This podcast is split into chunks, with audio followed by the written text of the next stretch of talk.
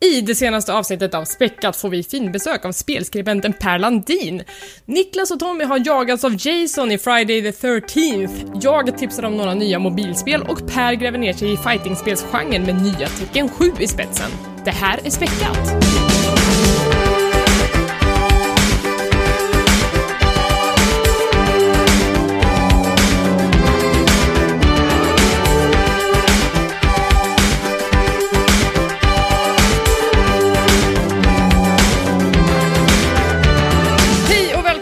Späckat, en podcast om spel och allt runt omkring.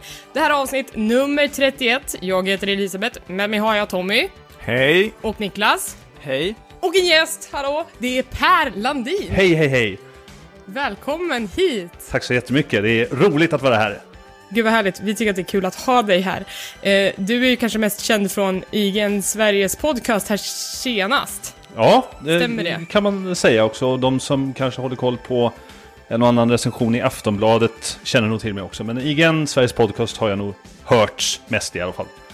Hur länge var det du körde där, IGN? Oj, åh, nu har jag nästan tappat räkningen. Det här, åh, det här kommer jag få bakläxa på. Um, säg att jag gjorde kanske 60 avsnitt någonstans. Jag har så dålig koll på det här i alla fall. Det, I alla fall, vi spelade in eh, ett avsnitt i veckan så att det blev en del. Hur kommer det sig att du eh, slutade? Var det att du inte hanns med eller var det något annat som låg? Ja, li, lite grann faktiskt. Eh, Jag har ju en bakgrund eh, som eh, radiojournalist eh, och har pratat ganska mycket radio genom åren. Så jag tycker det är, eh, podcastformatet är superkul. Eh, Så det bar mig lite emot, men eh, jag hade för mycket att göra, eh, behövde koncentrera på annat. Eh, så att det blev helt enkelt att jag behövde en förändring och la det på hyllan. Och nu känner jag den här podcastabstinensen eh, kom upp till mig. Så det var ju tur att jag kunde få vara med här och få utlopp för det. Ja men vi, det är superkul att ha dig här. Det känns som att du måste vara den mest professionella personen någonsin som någonsin har varit i Späckat. Tack. Eh, eftersom du har Inklusive den här radiobakgrunden. Ja men precis. Eh, men, men för vi känner ju varandra sedan innan för att båda två är väldigt så här Blizzard-engagerade och du har ju liksom varit och hjälpt oss mycket i Stockholm e-sport. Eh, både med det ena och det andra, men kanske casting för Heroes of the Storm är ju en stor Ja, grej. gud. Eh, så- Det är ju liksom ett av dina stora spel. Ja, de definitivt. Heroes, eh, grymt spel. Grymt underskattat spel, faktiskt. Men det kommer ju mer och mer nu efter 2.0. Ja, eh, faktiskt. Eh, jag vet, hur insatta är ni i Heroes of the Storm-scenen? Tommy har varit proffs. Åh! Ja, Betaproffs. Nej men jag spelade, jag spelade väldigt mycket när det eh, begav sig faktiskt och gillade en stund, men sen blir det som alla men andra. vänta nu, var det inte du som gick Ja. ja. batshit på, på Heroesen och sa att det var eh, dåligt och... Det var kul i början, men... Ja, det var kul i början, men sen jag kände att det inte, precis som alla andra Moba-spel, det, det hände inte så jättemycket med själva spelet. Alltså det känns som jag mest spelar för alla de här figurernas skull. Eh, Ja, men precis, själva, precis. Liksom, gameplayet. Jag tyckte det, det, är- det är väl någon slags lättare variant av Moba, vilket var per, perfekt för mig. Men jag känner att det, det var svårt att avancera för mig i det senare. Eh, Men det är kul lite för att svara på den här frågan, huruvida om det har gått uppåt i alla fall. Jag har ingen statistik att, att koppla från annat än att jag sitter och tittar maniskt på Reddit och såg det att ja, 130 000 tit- eh, läsare just nu. Ja. Och sen efter eh, Heroes 2.0 så är jag uppe i 170 000. Så att någonting har ju hänt i alla fall. Eh, får vi se hur länge de blir kvar i alla fall. Men ja, det är kul. Men, Men men, jag, jag, jag, jag måste bara hålla kvar vid Heroes, förlåt. Eh, men jag provade ju, starta igång det här för några veckor och månader sedan. Och jag, jag märkte ju på direkten, de har ju slängt in liksom 30 nya hjältar. Är det inte väldigt svårt för så här, nykomna, för till och med jag som har spelat tidigare tyckte det var väldigt så här, tungt eh, att ta sig in i det igen. Liksom. Vilka hjältar ska man ta? Vad gör de? Det är ju det är ju någon slags eh, sten, sax, påse-grej där man måste tänka på också när man väljer hjältar. Jag, jag tror så här att de har gjort, de har gjort nu i början, visst är det svårt att, att komma in i det ju fler hjältar, definitivt. Jag talar av egen erfarenhet när jag provat på typ League of Legends och det var var 130 hjältar att välja mellan. Och det blir lite till att så här, been there, been there. Ja, man står där bara Ole Dole Doff, Lonikoff, pröva hitta någonting designmässigt. Men, men som vi var inne på också så är det ju en fördel att komma in som Blizzard-spelare och säga ah, men jag gillar Diablo, det är, det är mitt gebit. Eller jag gillar World of Warcraft och där någonstans så, så har ju sin, Blizzard sin bas också. Se bara hur mycket Overwatch-kampanjer de kastar in i det här spelet. Där Overwatch-spelare måste spela det här för att få skins och grejer. Så att... Mm. Så att men de har kastat in massa... Det här är ju intressant alltså, för just i dagarna här så såg jag ju att Tommy hade avinstallerat Overwatch, fått något sorts utbrott på eh, sociala medier. Vad var det som hände? Eh, nej, herregud. Nej, men jag, jag tycker den här lootbox-grejen som börjar komma nu, är, jag, jag, vet att jag blir så jävla förbannad på det. Det är okej okay att det finns, men att det Blizzard nu under Overwatch har de här eventgrejerna och precis under det här eventet så har jag så här sjukt mycket att göra på jobbet och det är väl tuffa skins och sånt där som jag skulle vilja ha till mina favoritkaraktärer. Men det blir så gör då typ så här, nej tyvärr, du har inte spelat mellan de här datumen, du kommer aldrig få använda de här skinsen, tyvärr. Och så, jag vet att det känns som jag bara får ett stort finger av dem, då vart jag bara så jag vet jag vart så jävla grinig och avinstallerade då. Jag, jag tänkte, har... måste jag typ så här, jag som är 30 plus äh, arbetar heltid, liksom, måste jag liksom dedikera liksom 20 timmar i veckan för liksom jaga de här lootlådorna som jag bara fick så här, dubbletter i och allting. Jag tycker det, just det tycker jag är väldigt så här, fult av dem. Och sen blir jag så provocerad när folk lägger ner typ så här, tusentals kronor på dem där. Uppmuntrar bara dem att fortsätta. Guilty! jag känner fler som är det också. Men, men Per, eh, Heroes of the Storm tog ju dig också till DreamHack där du faktiskt har jobbat på deras evenemang för att, för att jobba med observingen. Stämmer. För de stora Heroes of the Storm-tävlingarna. Stämmer. Och sen har det gått så långt så att nu jobbar ju du faktiskt på DreamHack. Ja, och där har jag fått kombinera eh, två intressen. Både min eh, stora intresse för e-sport men också kombinera den här journalistiska bakgrunden jag har. Så att jag jobbar ju numera som webb-editor på DreamHack där jag pushar ut content för samtliga av DreamHacks hemsidor och det är en del för, ja, jag skulle, jag skulle gissa vara i ungefärliga antalet att vi har en så här tiotal hemsidor eh, för olika saker som ska ut. Så att eh, eh det är kul. Eh, från att ha gått till att eh, bevaka e-sport till att vara i där det händer är en väldigt kul eh, omställning. Och eh, jag får ju också fortsätta jobba med de här Heroes-evenemangen. Har också gjort lite Overwatch. Eh, och eh, sånt är jättekul. Definitivt. Så jag, du har gjort resan. Jag har gjort resan. Men hur är arbetet nu precis? Det vankas väl DreamHack om några veckor när vi spelar in det här? Ja. Om jag inte har helt fel. Ja. Uh, hur är det nu? Är det mycket att göra? Vad, hur går själva jobbet till förberedelserna och sånt där. Dude, let me tell you stories.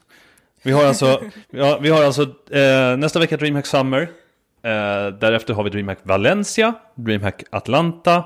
Eh, och det här är inom en två månaders period. Därefter så blir det ett litet kort uppehåll. Därefter har vi DreamHack Montreal.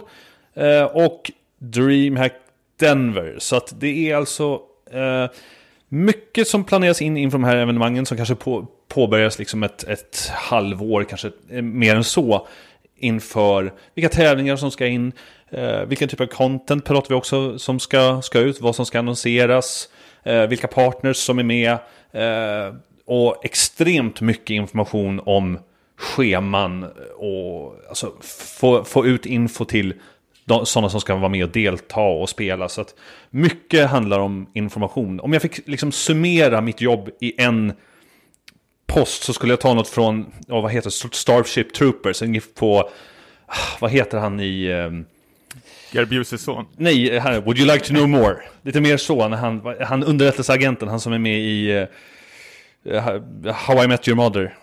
Neil, per, Neil Patrick Harris. Ja, så no, no, någonting där. Would you like to know more? Ut, DreamHack, det är mitt jobb.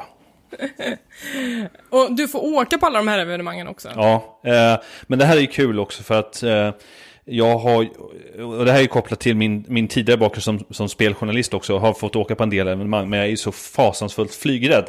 Och som lyssnare av den här podcasten så tycker jag att eh, Även här så har, det funnits, har man gjort en resa liksom, från början. Speciellt alltså, Tommy har ju gått från klarhet till klarhet på något sätt.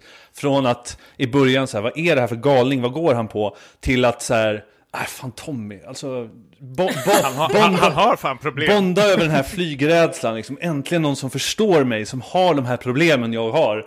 Eh, så, så ja, jag är flygrädd, så att eh, i viss mån så åker jag inte riktigt på alla de här evenemangen, utan jag väljer dem väldigt noga.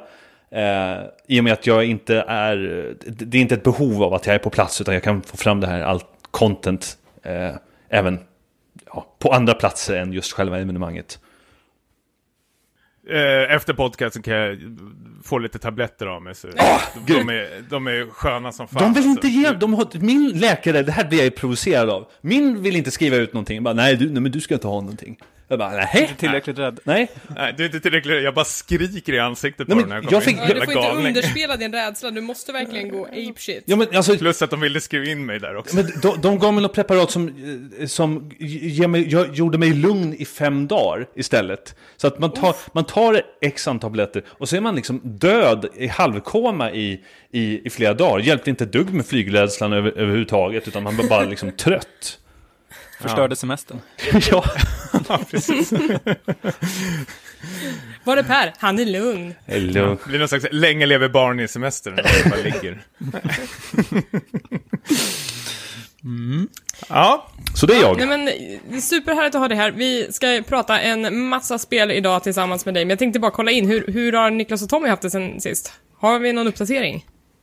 Ja, jag vet inte. Det är mest kollat på tv-serier känns det som. Ja, Eh, det är mycket nu. Det är mycket nu. Men eh, lite spel har det ju blivit. Jag har ju uh, nått toppen i uh, Player Unknowns Battlegrounds nu. Det hade jag inte förra gången vi spelade in. Du blev en chicken dinner. Ja, två har det blivit till och med. Eh, och jag har ju gått från den här liksom hopplöse bänknötaren till ja, han som avgör allting. Det kan ju Tommy intyga, han har ju sett det på nära håll. Kan hela ön. allt är falskt. Nej, det är inte falskt. Nej, men det är helt sjukt. Jag, det är någon ny sida av Niklas jag har se- sett som jag inte har sett tidigare. Eh, Jag vet, det är alltid sist kvar och sen avrättar du bara folken så vinner vi, kommer vi på första plats. Det är så vackert, tårögd. Damn. Ja. Så jag har också gjort en resa, kan man säga. Ja. Men nu måste jag lite skamlöst säga då, eh, eh, Tom och Niklas, spelar ni ihop? Ja, det har vi Då börjat. måste ni åka till DreamHack Jönköping och tävla. Ja, de har ju en jobbturnering. Ja, de har en jättestor turnering. Jag vet oj, oj. inte, alltså vi, vi hade ju hybris ett tag, men igår så kom det några britter och de gjorde någon slags teamspeak och började kalla oss för fula saker. Bloody wanker. Ja, nej, det var nog värre än så. Jag skulle göra saker med min morsa och grejer. Och ja, då stängde vi av, då vart vi rädda jag och Niklas och loggade ut.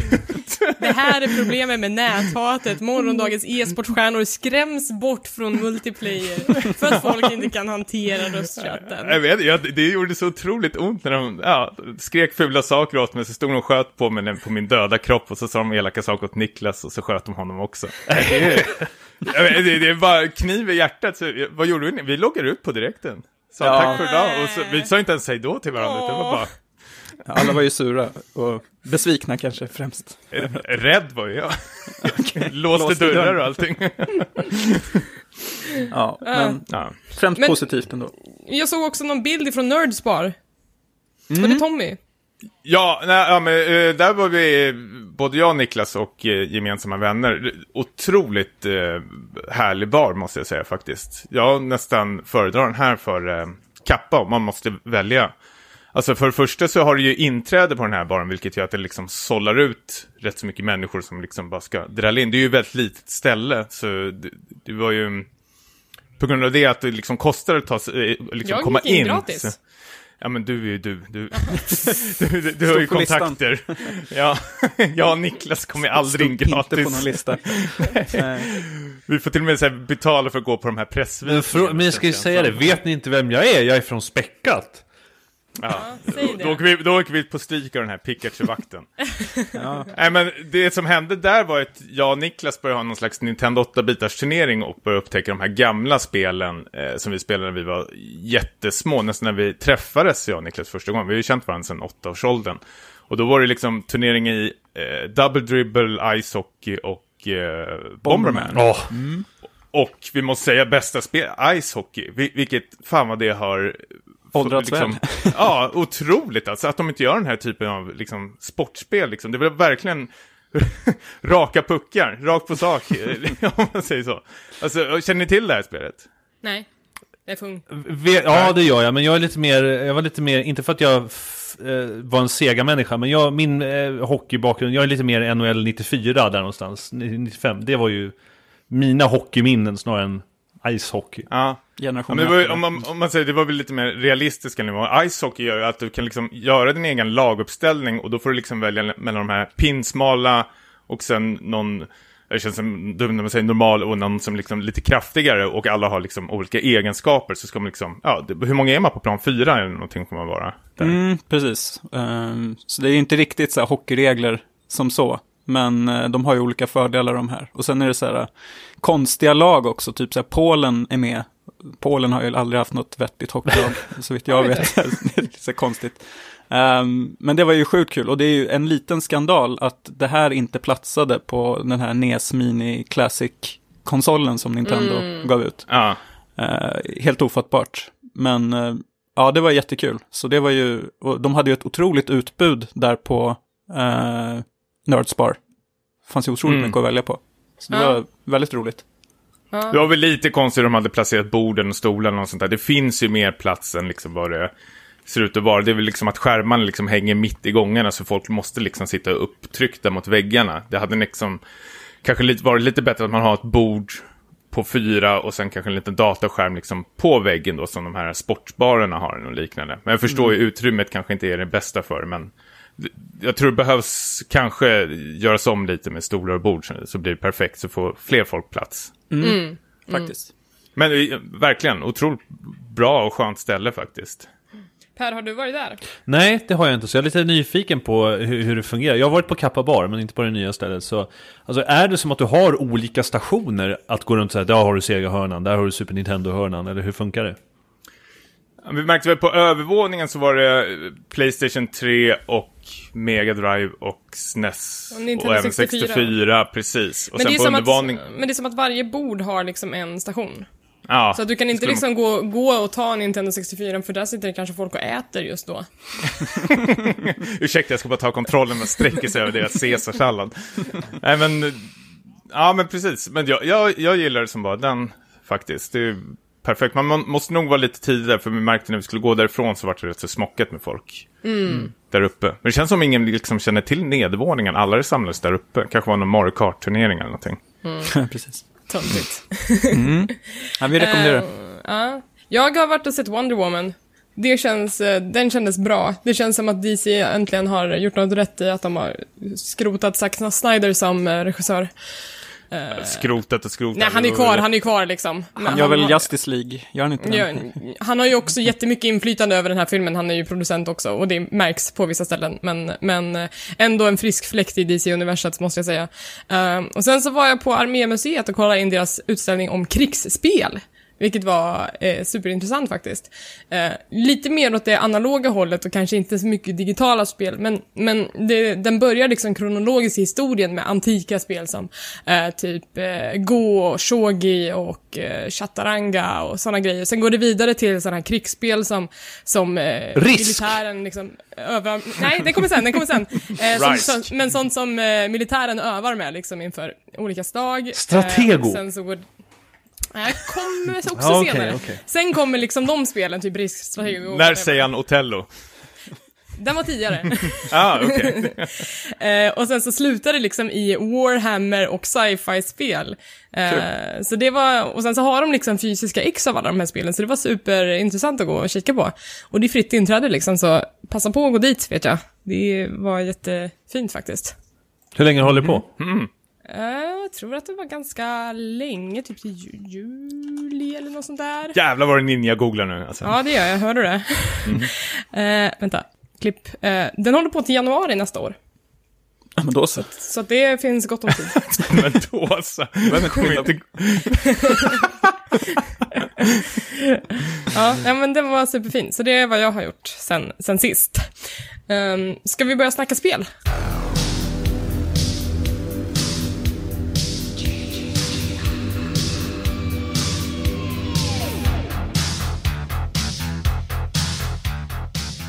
Ska vi börja i eh, skräckhörnan? Tommy och Niklas, ni har spelat nysläppta fredag den 13, The Game. Ja, exakt. Eh, det här är ju då ett multiplayer-spel som bygger på, som sagt, fredagen den 13 skräck-franchiset. Och eh, filmerna går ju ut på, i, i korthet, att den här eh, mördaren Jason, eh, iklädd hockeymask och typ någon sån här machete eller vad det är, eh, går och hugger, hugger ihjäl ungdomar på så här löpande band i en serie filmer då. Eh, där den första kom 1980 och sen har det kommit väldigt många eh, sen dess. Eh, och i spelet så eh, är det max åtta spelare som kan vara med samtidigt. Så i, i bästa fall så är det en spelare som får vara Jason och de andra sju får vara eh, ungdomar ute på det här eh, övergivna kollot som är, följer lite den här fredag den 13 mallen. Eh, I alla fall den första filmen som är den enda jag har sett tror jag. Så, och där, där är man ju ute på en sån här Camp Crystal Lake eller vad det heter. Eh, och så är det de här kolloledarna då som eh, blir dödade av Jason. Kevin Bacon är en av dem, det är typ det jag kommer ihåg. Någon så liten roll. uh, och då springer man runt då på, det finns tre olika kartor att, att uh, välja på. uh, som där ser ut ungefär som att det är en, en stor skog med lite stugor där man kan då springa runt och leta upp saker. Så kan man då fly antingen via bil eller båt eller så kan man ringa polisen som kommer och eh, hämtar den. Och, eh, men det är inte bara liksom att hoppa på eh, båten och dra iväg, utan nu, först måste du samla ihop till eh, någon typ av så här, eh, båtmotor med bensin och så vidare. Samtidigt som Jason är hack i häl. Är det samma flyktväg i liksom, eller är det ett flyktväg per karta eller finns alla att välja på? De finns allihopa va? Eller hur Tommy? Vadå, samma alltså, flykt, flyktväg? Alltså kan du, kan du köra bil, båt och ringa polisen i samma karta? Ja, precis. Mm, okej. Alla kartor har samma Så att man får, liksom, man får liksom välja vad man ska spesa för, för någonting, typ. Ja, Oftast är det väl det du hittar först. Hittar du en eh, bilnyckel så blir det väl det du satsar på. Eh, men det är ju svårt att hitta all, alla tre delarna till bilen på egen hand, utan du måste ju förlita dig på de andra, de här kolloledarna, att de ska dra sitt strå till stacken också. Eh, mm. Så om man har spelat till exempel Dead by Daylight så känner man igen det här upplägget. Eh, asymmetriskt multiplayer-spel eller vad det nu kallas. Tror jag.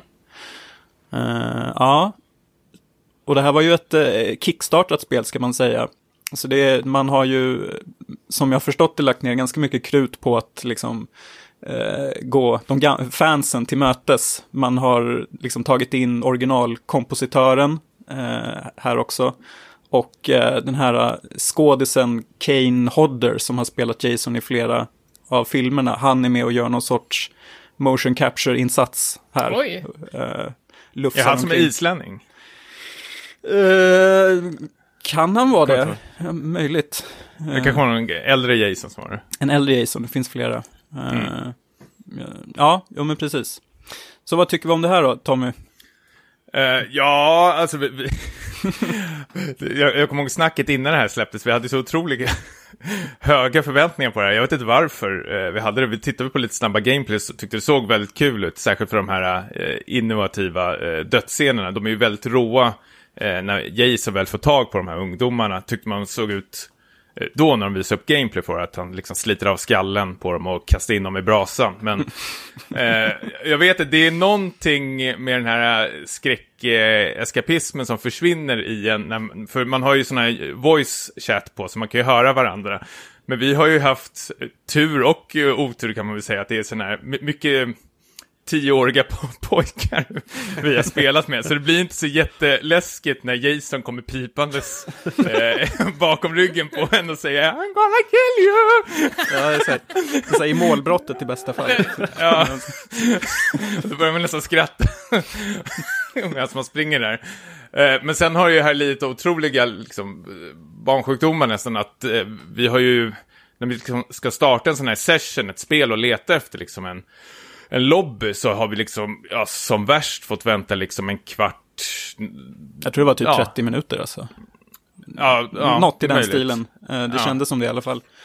För det kan ju vara också att en match, match startar och sen så blir alla utkastade ur matchen och så får man börja om och vänta. Det är ju, ja, otroliga serverproblem får man säga. Nej, men vi spelade ju idag, några timmar innan vi spelade in den här podcasten, och då spelade vi kanske, alltså, vi, satt väl en och en halv timme och det var kanske 20 minuter effektiv Det speltid, är skulle jag säga. Det var, Jesus. alltså, det var helt sjukt, alltså. Vi satt nästan i menyn, vi satt ju nästan bara och pratade med varandra, kändes det som. Mm. Medan vi satt och väntade. För det är som Niklas sa, vi- antagligen fick vi vänta i flera minuter, sen när vi väl kom in så lämnade hosten eller så vart det liksom något serverproblem och de ska ju komma med en patch till det här för två dagar sedan, men den har ju inte kom, kommit, läste jag. Så jag vet, det finns mycket att fixa. Alltså det, det är ett, det är ju väldigt, när det väl funkar så är det väldigt kul faktiskt att springa runt med eh, sina vänner eh, och, och försöka hjälpa varandra. Men jag, jag har ju även provat att spela själv och eh, precis som du sa Niklas, jag förlitar sig otroligt mycket att man liksom ska hjälpa varandra. Men varje gång jag liksom har eh, slängt in bensin i den där bilen och eh, sagt så här, nu, nu drar vi. Och så hoppar den här snubben med bilnycklarna och bara drar iväg och så springer vi efter bilen. så otroligt mycket sådana, ja, snörpliga Ja, det är väldigt- situationer. Det är väldigt dråpligt emellanåt. Och det är ju, kontrollen känns ju väldigt så här oprecis. Och, eh, Eh, man, man kan väl, om man vill vara snäll så kan man ju hävda att det bidrar lite till skräckupplevelsen. Att man står där och liksom fumlar med, med ett fönster som inte vill öppnas när Jason kommer löpandes i korridoren. För det, är- det finns ju eh, lite roliga så här, taktiska delar. är Att du springer in i ett hus, du, eh, eh, du barrikaderar dig eh, och men så kan det ju vara så att Jason, innan han då liksom kommer in i huset för att han har huggit ner dörren, så har han lagt fällor, sådana här björnfällor, liksom utanför fönstren som då brukar vara flyktvägen för kolloledaren. Så hoppar man ut där och fastnar i fällan och så kommer Jason och gör slut på, på lidandet, om man säger. Så det finns ju, alltså de har eh, spänt bågen ändå ganska rejält, för det finns mycket grejer med, men det känns inte som att det liksom klickar allting än så länge. Men det är inte polerat precis. Nej, verkligen eh, inte. Det känns ju fortfarande early access. Men, men är upplägget alltid densamma? Att Jason chasear och, och man försöker fly, det är på samma karta. Alltså finns det någon, någon variationsmoment i det? Alltså, det jag skulle säga är väl att du låser upp, du får ju sådana här character points, så du låser upp nya karaktärer och alla karaktärer har olika liksom, egenskaper. Vissa är snabb, vissa är inte rädd för mörkret och kanske inte blir skrämda lika lätt. Alltså om man blir skrämd så upptäcker Jason en lättare på hans eh, radar, han kan ju se var folk är någonstans. Och du kan även liksom ladda, eller ladda ner, du kan även köpa sådana här perks till din karaktär så man gör dem bättre och ja, fixa till det hur man vill spela den här karaktären då. Och sen såklart finns det även kläder. Men, Ja- men Jason själv påverkar man inte? J- Jason, eh, vadå, man kan fixa till honom? Ja, eller? precis. Du kan ju köpa sådana här, eh, vad, s- vad skulle man säga, liksom eh, fatalities nästan med Jason, hur han liksom dödar de här ungdomarna. Eh, och även så kan du låsa upp liksom andra Jason-karaktärer från andra filmer. Okej. Men Precis. det är typ det, du har väl några perks också till Jason du kan köpa också, jag för mig. Mm. Man ska säga att Jason har ju typ sådana här förmågor att han kan teleportera sig och eh, få någon så här eh, Jason vision där han ser folk lättare. Men de kan han ju inte använda hela tiden såklart. Är det här canon? ja, jag tror det. det är lite svårt eh, att, veta vad som är vad. Eh, hans mamma är ju med på ett hörn också. Oj. Ska man inte avslöja mycket mer, men...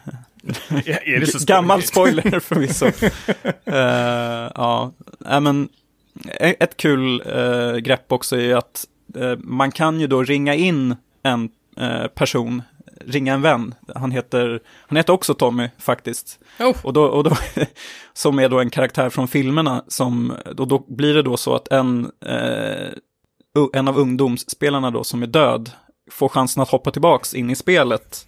Som Ett den extra här, liv. Ett extra liv. Som den här karaktären Tommy då som kommer med eh, ett hagelgevär då så han kan eh, stoppa Jason på det sättet. Men jag har hört att fansen av filmerna inte är så nöjda med hur, den här, karak- hur de har fått till den här karaktären. För han är ju relativt mesig här och har liksom bara ett skott i, eh, i sitt gevär. Så att han blir mer liksom ett, ytterligare ett offer, ett lätt offer för Jason när han hoppar in. Men, Så men, det- eh, men det hänger ju på att den spelaren som har dött och ska ta över eh, den här Tommy eh, är kvar i spelet. Eh, Ja, men de, de tar någon som finns kvar liksom. Ja, okej, så, att- för att, så att om, om man blir dödad och rage-quittar liksom så... Ja, ja göra det? precis. Men det blir ett incitament för folk att hänga kvar Ah. och, och sitta och titta liksom. För att man kanske kan få hoppa in igen. Få en andra Jag chans. förstår, jag förstår. Och sen vet jag inte vad det är för straff man får om man hoppar ut på direkt. Man kanske inte får allt de här um, XP-bonus och allting i slutet. För i slutet får du liksom hur matcherna har gått och hej och hå och sånt där. Så då kanske man straffas på det sättet också, att man hoppar ut. Det vet jag ingenting om, men jag kan... Man kan bara ana. Ja, nej, men det finns potential här, men det är lite kvar att jobba på kanske. Men ni som har sett filmerna, eh, hur tycker ni liksom, tycker ni att spelet förmedlar stämningen korrekt? Känns det som fredag den 13 liksom? Ja, musiken känns ju, känns ju igen. får lägga på den här, men jag är ju absolut ingen expert. Det enda jag vet är att det är typ, det är ju inte Jason som dödar folk i den första filmen, eh, utan det är mamman. Och det har jag lärt mig från Scream-filmen, när de tar upp det.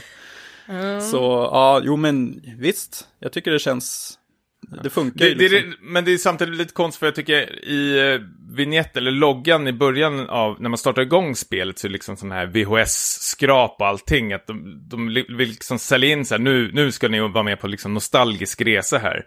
Men sen när man liksom sätts in i spel, för jag har ju sett alla de här Jason-filmerna och eh, jag tycker väl om dem för vad de är. Men jag får inget liksom så här skönt nostalgirus i kroppen eller någonting sånt där. Det enda liksom fanservice som finns, det är väl i sådana fall att de använt de här karaktärerna som finns inne i, finns med i de gamla filmerna.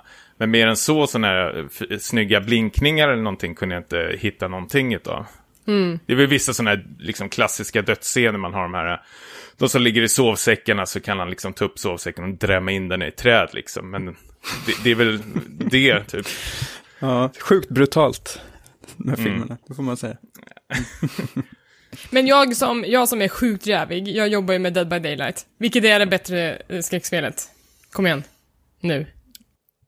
Ja, men Eh. det är Dead by Daylight skulle jag säga. Ja, i dagsläget. Ja, Ja, vad bra. absolut. Då, då blir ni inte utsparkade ur podden. For now. Tack, tack chefen. Men hur låter det här? Är ni sugna på det här, Elisabeth och Per? Um, alltså det jag har sett och hört av spelets barnsjukdomar så känns det inte som något jag vill eh, lägga ut pengar på just nu. Ehm, jag vill nog ge det- dem lite tid att, att göra färdigt sitt spel. Per, släpp hot. Ja, inget, inget ont om Elisabeth eller företaget hon jobbar för, men det här är inte riktigt min kopp med te, sådana här spel. Eh, jag har försökt titta lite på, på streams när folk kör det här och jag har bara svårt att se den här fascinationen. Allt, allt jag tänker på är det alla de här morbida sätten man springer runt och dödar sina kompisar på. Jag bara, jag, men jag förstår inte grejen. Alltså jag vill ha, jag vill ha något tävlingsmoment, jag vill ha någonting jag kan förbättra mig på. Det är säkert så att jag kan, eh, jag kan förbättra mitt eh, Jason-spel och liksom lära mig vad jag lägger ut fällan och så vidare och bli en perfekt Jason. Men ja, nej jag vet inte. Det är som sagt eh, inte riktigt min typ av spel. Säkert jättekul. Alltså det, det är ju perfekt om man är några vänner och ska spela någon, någon snabb runda. Så det, ju- det finns någon skön känsla att hänga upp sin bästa kompis på en krok. låta henne hänga där liksom. Eh, Så det är väl mer därför man spelar det nästan. Det, det ger sig inte så jättemycket om man hänger upp en okänd person. Det är mest som man har någon så här groll eller oplockad gås med en kompis alltså som man får... Verkligen. Då möts man i fredagen 13 Okej. hänger upp dem på raden.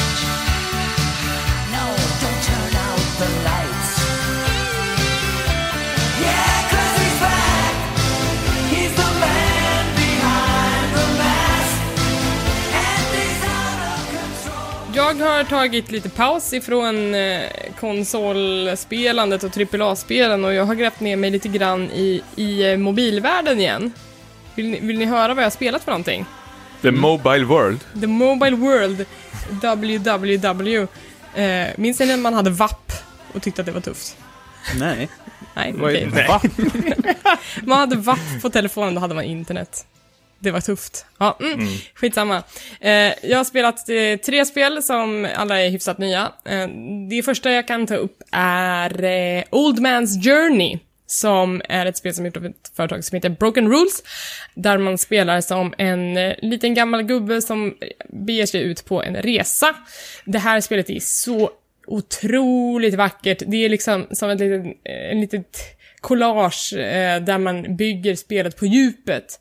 Eh, det är liksom en, en eh, side-scroller, är vad man ska säga. Det är 2D, men, men det finns liksom ett perspektiv som man måste jobba med för att eh, vägen fram för den här gubben är inte alltid helt klar. Så därför måste man faktiskt dra i landskapet och försöka skapa nya vägar som han ska ta sig fram på. Eh, Så när, när han liksom når en av sina destinationer, då sätter han sig ner, pustar ut lite grann och sen så minns han och tittar tillbaka på sitt liv. Och då får man se liksom lite ögonblick från, från ah, hans familj och liksom hur han träffar sin fru och sådana grejer. Um, superduper vackert, jättefin stämning, det är lite så här medelhavskänsla över allting. Um, och sen så glider det såklart över i lite mer vemod på slutet. Så att det var det var Är ett det, trevligt lite, spel. är det lite så här hundraåringen som smet ett fönster fast i spelform? Och drog, drog ihop landskap. Ja. Nej, inte, inte riktigt eh, lika dråpligt. Jag tycker att det är en väldigt rolig bok. Eh, nej, det är inte på den, eh, kanske inte riktigt den stämningen i det, utan det är bara, han är ute och går med sin käpp i princip. Det är vemodigare helt enkelt. Eh, ja, ehm, Men, men otroligt vackert. Eh, kostar kanske 50 kronor. Eh, finns till både PC och mobil. Eh, så om man inte vill köra på mobilen så går det jättebra att köra det på Steam också. En grej var att ehm, eh, min telefon typ överhettade när jag spelade det här spelet lite för länge. Och det, jag hittade några buggar och lite krascher i den också, så det kan man vara beredd på att det kanske inte är 100% i alla fall på, på Apple-produkter. Yes. Sen så har det ju i dagarna precis kommit en överraskningsuppföljare till Monument Valley. Som var typ 2014 års mest älskade mobilspel. Det var helt sjukt vad folk tyckte om det spelet och det fick ju till och med kliva in i finrummet i, i eh, tv-serien House of Cards. Ehm, så att, Jaha, det missade jag. Ja, det är typ i andra eller tre, andra säsongen tror jag. Då, de har tagit ifrån honom hans Playstation för, för produktplaceringskontraktet med Sony upphörde. Eh, och då plockade de in det här spelet eh, som han satt och spelade istället. Och han satt och drog typ så paralleller med storyn i Monument Valley.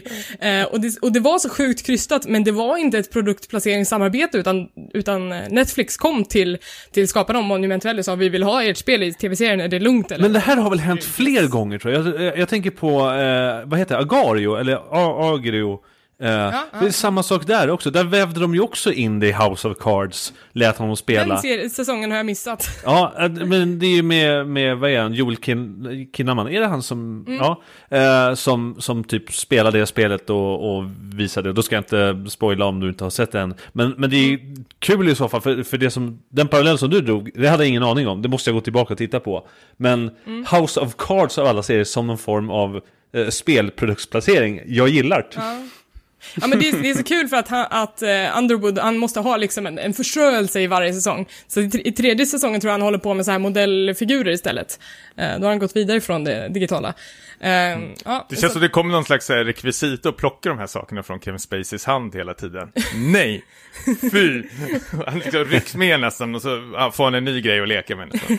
Men förlåt om vi kan bara hålla oss alltså, till eh, film och eh, serier, alltså när karaktärer där eh, spelar tv-spel. Varför ser de helt jävla galna ut när de Ja. spelar? Alltid håller de på så här rycker med kontrollen och liksom slänger runt med kroppen och på knuffa på varandra. Alltså re- regissören måste ju liksom inte ha någon koll alls hur liksom, tv-spel spelas. jag har aldrig sett något liknande liksom. Och samtidigt ibland kan man ju se på skärmen, då är det liksom hur lugnt som helst. Någon, något FPS som liksom de bara gubbe går runt och inte gör någonting. Kevin, ryck lite i kontrollen. Men de, håller på liksom som det vore liksom någon liksom jaktflygplan de sitter och åker och styr nästan. De kanske spelar Wii. Ja, men jag vet jag tycker de ser helt galna ut. Eh, men, men det är faktiskt just den här House of Cards-grejen med när de hade fortfarande Playstation som produktplacering i första säsongen. Alltså det är så jävla roligt när han ska liksom promota vitan på ett helt okryssat sätt. Alltså kolla upp det på YouTube när han pratar om I like to bring my PS Vita with me when I cannot play at home. Och man bara "Mm, Sluta! ja, eh, men, men i alla fall, tillbaka till Monument Valley. Det har alltså kommit en tvåa.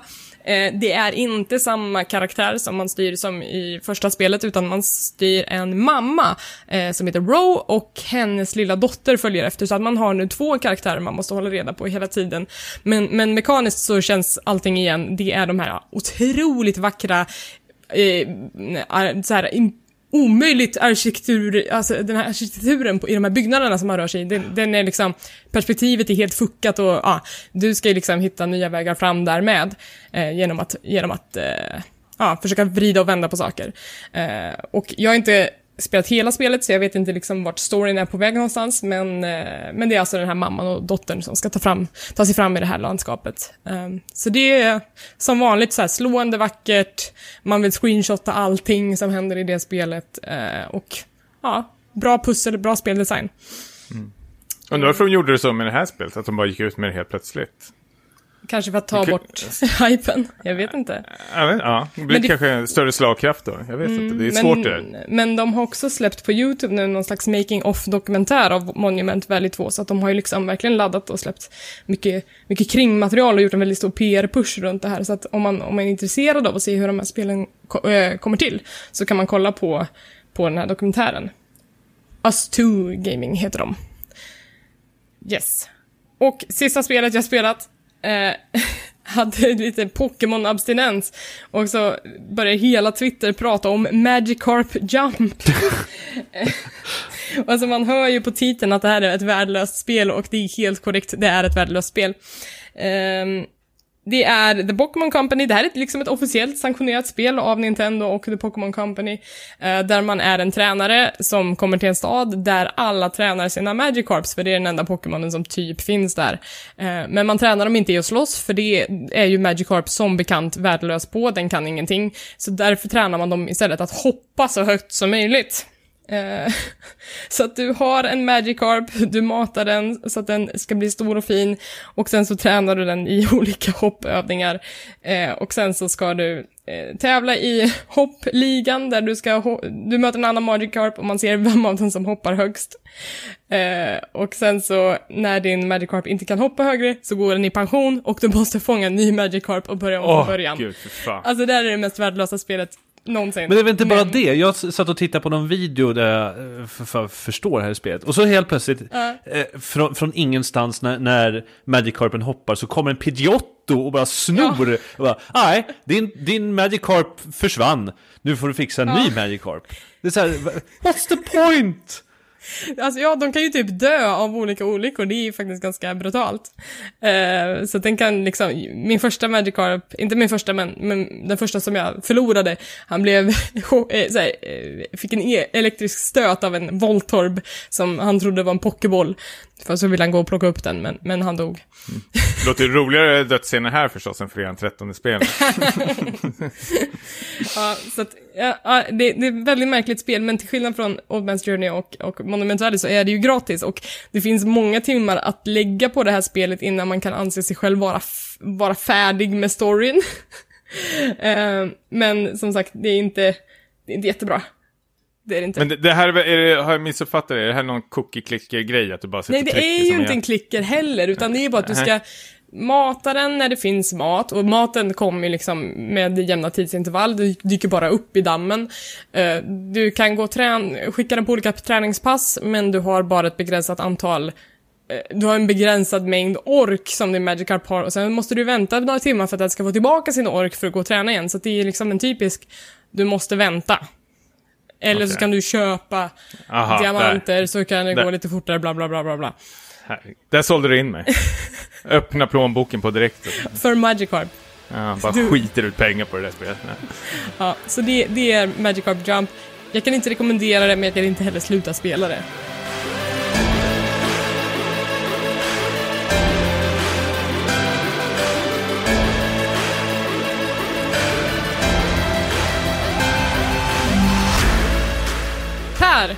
Ja.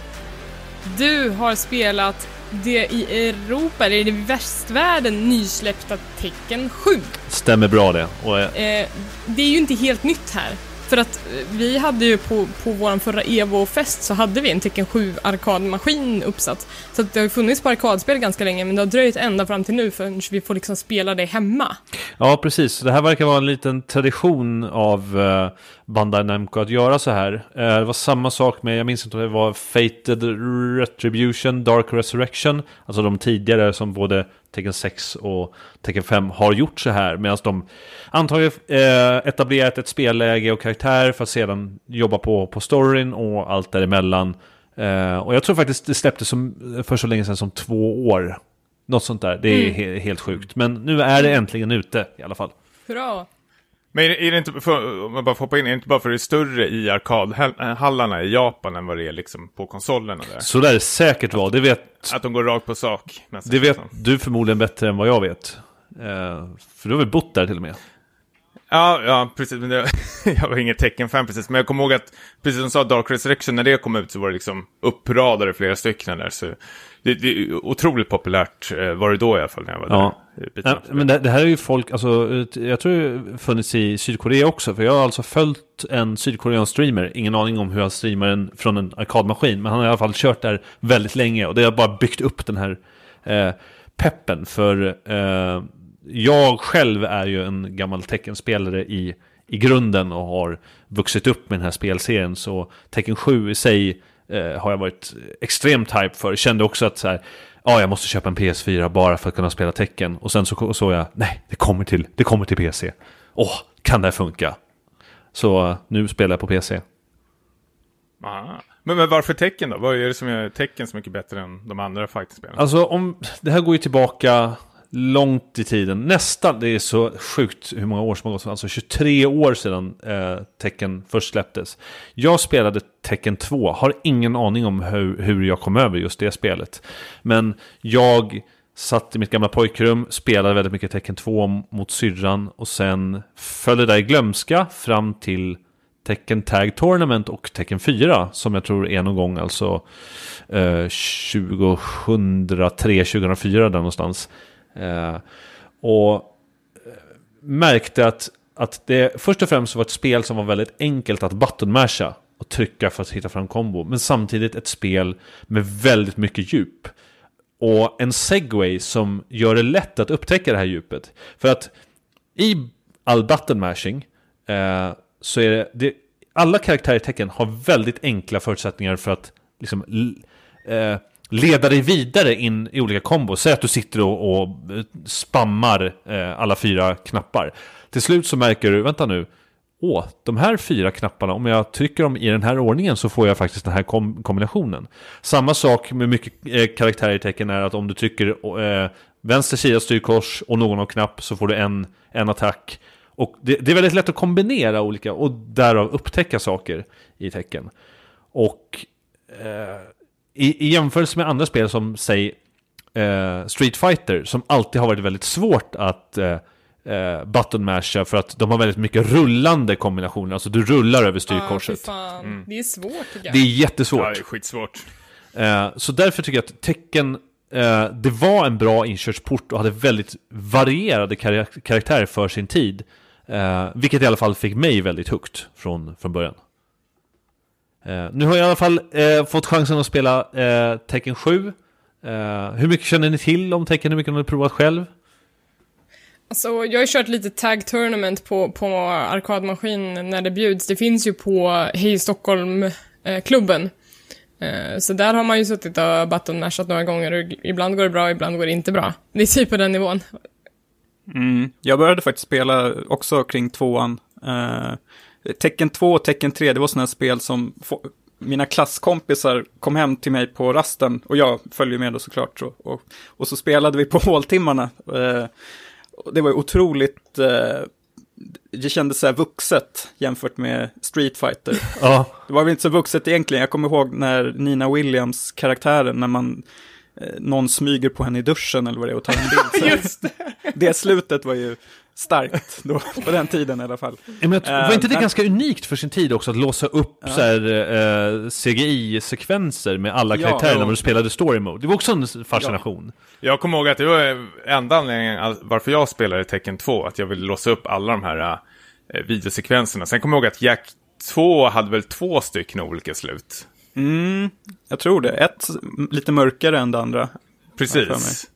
Uh, ja, det var ju otroligt coolt. Och så har jag för mig att jag tyckte att i Tecken 3 att det började gå lite överstyr med såna här uh, skämtkaraktärer. Som den här lilla Gon. Gon.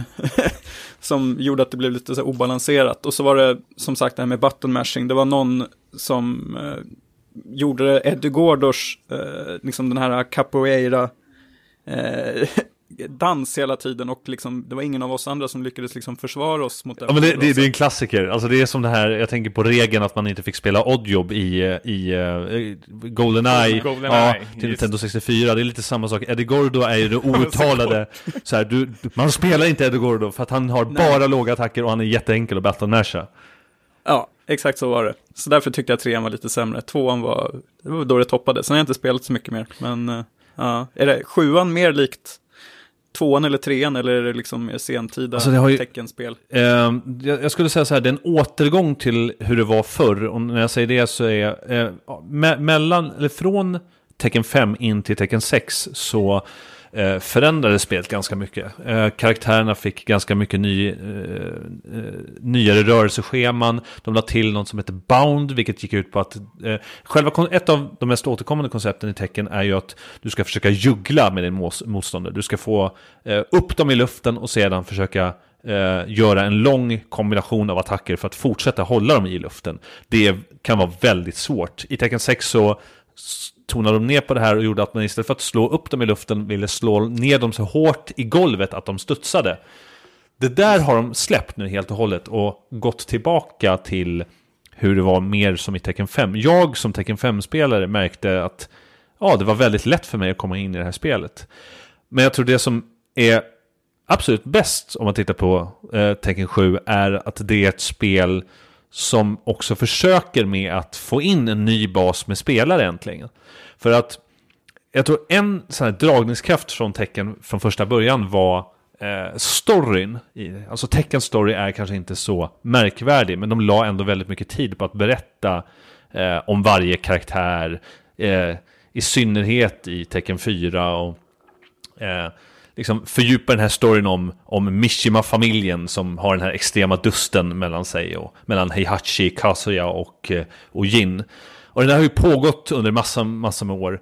Eh, och nu försöker de liksom väva ihop tråden i det här spelet genom att eh, i storyläget både visa vad som har hänt, till och med spela upp många av de gamla CGI-filmerna, vilket jag tycker är supercoolt. De väver Som inte är uppdaterade. Ja, eh, eh, Ja. Och d- jag vet inte hur det funkar, men det är fantastiskt. De har gjort liksom vissa, vissa av CGI-filmerna väver de ihop till exempel med en bana som de spelar i storyläget. Eh, och det här hjälper en att komma in, liksom förstå vad som hänt mellan eh, alla år. Kanske få nya favoritkaraktärer och eh, ja, liksom, ja, introduceras för tecken helt enkelt. Eh, och Det låter ju, jag tycker det låter supertrevligt för mig som, som inte hade tecken med mig i barndomen och som inte har någon koll på storyn. Skulle jag då kunna plocka upp tecken 7 och känna att jag får liksom essensen av det hela? Definitivt. Och jag tror en annan sak som är, är jättekul, och det, det här är också en, så här, kla, ett klassiskt grepp för många spel eh, som har långa följetonger, eller en, en serie över många, många år, är ju att numera kan du ju låsa upp gammalt material för att liksom, så här såg det ut i tecken 2, eller så här såg det ut i tecken 3. Och då ta del av alla de här filmerna. Säkert den här nakenduschscenen, jag lovar den finns med i det här spelet. Fanservice. ja. Precis. Eh, Så, nej men, så eh, jag tycker att de har gått tillbaka till... Tecken är fortfarande ett ruskigt svårt spel. Men de har på något sätt gjort det eh, lättare för folk att komma in. Även fast det är ruskigt svårt. Eh, och sammanfattat eh, eh, bakgrunden lite mer för att få ge kontext. Men vad, vad är det för något som är så svårt? Är det att det är mycket kombinationer och allting sånt där? För det är nästan det jag hatar mest med alla de här uh, beaten up-spelen. Det är därför jag liksom föredrar Marvel vs. Capcom uh, oftast. Ja, äh, alltså det finns ju så mycket i tecken som du ska kunna. Du ska först lära dig att juggla. Sen, sen mycket av de bästa attackerna kräver ju alltså frame perfect, eh, eh, alltså knappkombinationer för att du ska överhuvudtaget lyckas. Det finns eh, olika tips för hur du ska kunna avbryta Eh, så enkelt som möjligt komma upp på, på fötter igen, lära parera olika förmågor och reflektera dem tillbaka. I Tekken 7 så har de lagt till en lite mer e-sportvänlig mekanik som heter Rage, Rage Drive. Något typ, tänk, eh, och vad heter det i... Eh, Ultra Moves tror jag heter i i Street Fighter, att du får en så här superstark attack. Eh, så att det, det finns väldigt mycket... Du kan ju lära dig attacker, men du måste ju lära dig i vilka situationer som är bäst lämpade. Och när, på vilka banor och så vidare. Så att det finns så mycket att grotta ner sig i. Jag har ju spelat det här i... Men, men Ja, förlåt. kan det kännas liksom för mycket för en nykommen spelare? Eller att man liksom bara får allting över sig på direkten? Eller är det, en bra liksom inkörsport det gör? Jag, jag, tycker det är en bra inkörsport. Eh, speciellt i storyläget, för där kan du skapa en... Du kan lägga till ett läge som gör att du kan... Eh, typ... Eh, vad säger man? Eh, eh snabbtangent för, för olika specialare så att du kan länka så att du gör väldigt svåra kombinationer på en knapp. Vilket introducerar dig för liksom, åh den här karaktären kan göra den här rörelsen. Eh, men, men samtidigt, jag har nu spelat typ tre timmar av online-läget och det är brutalt. Eh, jag har alltså spelat 20 matcher och jag har vunnit två, förlorat 18. Det, det, det, där har eh, Bandai Namco någonting att jobba väldigt mycket på. Alltså att mat- matcha mot likvärdiga spelare, eller, eller vad tänker du, vad är det de måste jobba på? Det, det är svårt att säga för att, som sagt, de har ju ett rankingsystem. Och där står det till exempel, jag är ju beginner fortfarande. Och så har de det typiska här, judo, karate, nionde kyo, eh, dan etc. Eh, och jag har spelat mot beginner-människor. Och de beter sig som fullskaliga proffs. Så jag liksom kan inte sätta fingret på vad det är som gör så här. Men det är... Det, Men, det, men så är det ju alltid i början av sådana här rankade spel de första dagarna, att liksom alla är beginners med vissa liksom har, har liksom movesetet in, så att det kan dröja ett par veckor kanske innan, innan matchmakingen faktiskt är korrekt. ja, ja, man kan hoppas. När man liksom, ja, när man får in kvantiteten av matcher som verkligen visar rätt nivå. Ja. Nej men det svåra är väl, som, jag tror vi var inne, som, precis som Heroes of the Storm, att typ hitta sin karaktär och liksom laborera runt med, med, med alla olika som finns. Eh, de har ju lagt till en drös nya karaktärer som för övrigt är sjukt generiska. Jag förstår, det, det är, om man får säga, vara kritisk mot någonting i, i Tekken 7 så är det alltså karaktärsdesignen. Eh, nej, nej, men alltså, den, den säger ingenting. Det, man, man kan inte ta på karaktärerna. De har ingen personlighet. Det är här, utan att bärsa japanska kulturen för mycket. Men, men den, den osar verkligen det här klassiska eh, greppet av, av ja, det finns lollikonflickor, eh, sexualiserade karaktärer, eh, män som ser precis ut likadana. Eh, det är liksom inte som förr i tiden när spelkonsolens begränsningar tvingade dem att göra väldigt olika karaktärsdesigner. Så det är väl något, något som är väldigt tråkigt i, i det här. Ja, det känns som det är så i nästan alla japanska eh, sådana här beaten up-spel känner jag liksom. Det är som du säger att det är väldigt, oftast de här tjejerna är, är det, korta kjolar eller så är det, vad heter hon i Street Fighter? Ga- Gambi eller vad hon heter, som var någon slags baddräkt eller vad Ja, det är. just det. liknande. Jag vet inte, jag tycker det bara är helt sjukt egentligen, vissa av dem. Och alla snubbar är sjukt stora. så jävla berg kommer de alltid in. Ja, Så satsmänniskor. Ja, men, ja, men det som är lite kul, alltså någonting som, som tecken sticker ut med kanske, det är att det är så många som pratar, som kommer från olika, klassiskt med, med fightingspel, och folk kommer från olika delar av världen, har olika fightingstilar, och de pratar på sina originalspråk. Nu så har de lagt till någon eh, italienare, någon portugis, eh, och det där är ett väldigt kul grepp att liksom, ja. Vi, vi har ju till och med en svensk karaktär i tecken, Lars Ja! Alexandersson, som pratar japanska. Kunde varit jag, med Ja, precis. Flytta dit som ung. min avkomma kanske. Men varför pratar han japanska för? Jag är besviken. Ja, det, det vet inte jag heller. Bandai Namco har svaret. Varför pratar Torbjörn engelska? Ja, det är också konstigt. Eh, eh, per, har du någon koll på hur Tecken 7 tas emot av e-sportscenen? Um, es, tecken och e-sport har alltid det är väldigt, väldigt udda relation sinsemellan. Alltså, tittar man på Ivo så har tecken aldrig varit speciellt stort. Och jag har faktiskt... Och för, för, för oinsatta kan vi säga att EVO är alltså den här jätte, jättestora fightingspelsturneringen i, i USA som går varje år. Ja, precis. Och det... Jag vet inte, jag har inte kunnat sätta fingret på vad det är. Jag tror att, att folk... Eh, det är någonting med skillcapet. Uh, eh, det här är en vetenskap i sig i alla fall. Nu vet man i alla fall att, att de har satsat stenhårt på Tekken 7 som e-sport. Uh, för den här, de har gjort en stor tour nu, King of Iron Fist Tournament, eller Tekken World Tour eller någonting. Som kommer spelas på, på en massa olika platser, därav också, eller däribland Ivo. Så att jag kan inte riktigt sätta fingret på det, men jag tycker definitivt det finns underlag här.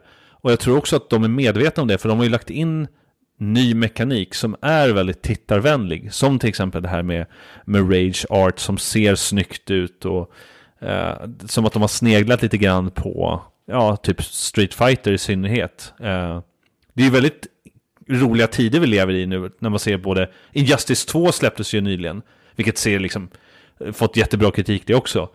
Men liksom eh, jämföra det med, med tecken, det är som natt och dag. Vi får helt enkelt se hur, hur, eh, hur det tas emot. Men, men det har sålt väldigt bra den, den första veckan. Och eh, jag, jag älskar det. Oj, Ja. super. Men nyfiken fråga, vilket är det populäraste fighting-spelet nu då i de här turneringarna, Ivo? Street Fighter va? Ja, jag skulle det säga. brukar alltid ha sista, alltså Street Fighter-finalen brukar alltid ha sista posten på Evo. S- Eh, så det är liksom den, the grand finale. Men Smash har ju också fått eh, en riktig, Ja, alltså, åter, fruktansvärt mycket tittare. Ja. där- För där kan vi snacka om något som är grötigt. Smash är väl ändå tokgrötigt ändå att titta Ja, men på. inte när man bara är ändå- två. Nej, nej, det är sant förstås. Jag har ju förstås bara Mm. Och tittat sen, på de här sen fyra därefter, stycken. därefter skulle jag nog nästan säga att det är Marvel vs Capcom. Det är också ganska stort. För jag tycker, alltså jag är verkligen ingen expert i tecken eller Street Fighter, men jag, när jag tittar på det, det är, det är väldigt klart och tydligt vad som händer på skärmen, tycker jag väl ändå.